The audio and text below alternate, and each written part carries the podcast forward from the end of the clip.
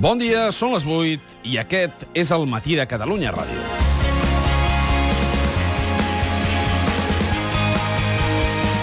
El govern espanyol no paït bé les declaracions que va fer David Cameron sobre la tolerància que un govern ha de tenir amb les aspiracions sobiranistes d'un col·lectiu, com ara l'escocès.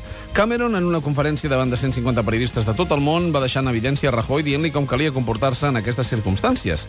I va rematar el seu discurs, el sentíem ahir, acabant la frase amb un irònic «No voldria pas dir al govern espanyol què ha de fer», però li ho va dir.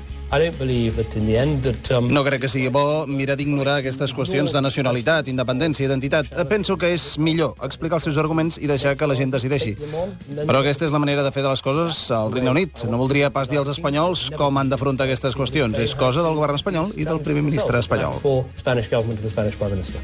El primer ministre britànic eh, li responia com va poder el ministre d'Afers Exteriors espanyol, José Manuel García Margallo, per començar explicant eh, que el Regne Unit pot decidir el que vulgui a nivell intern, però que a Espanya la declaració d'independència comportaria per Catalunya la pèrdua de fins un 25% del seu producte interior brut. I també relatant les diferències entre cada procés. Pel govern espanyol, l'entrada a la Unió Europea no seria igual per a Escòcia que per Catalunya. Y probablemente la decisión que ha tomado el señor Cameron sea una decisión correcta desde su punto de vista interno. No es el caso de la Constitución española, que tiene un artículo primero que dice que la soberanía reside en el pueblo español en su conjunto, no en una parte del pueblo español, y el artículo segundo que habla de la unidad de España y la indivisibilidad de España.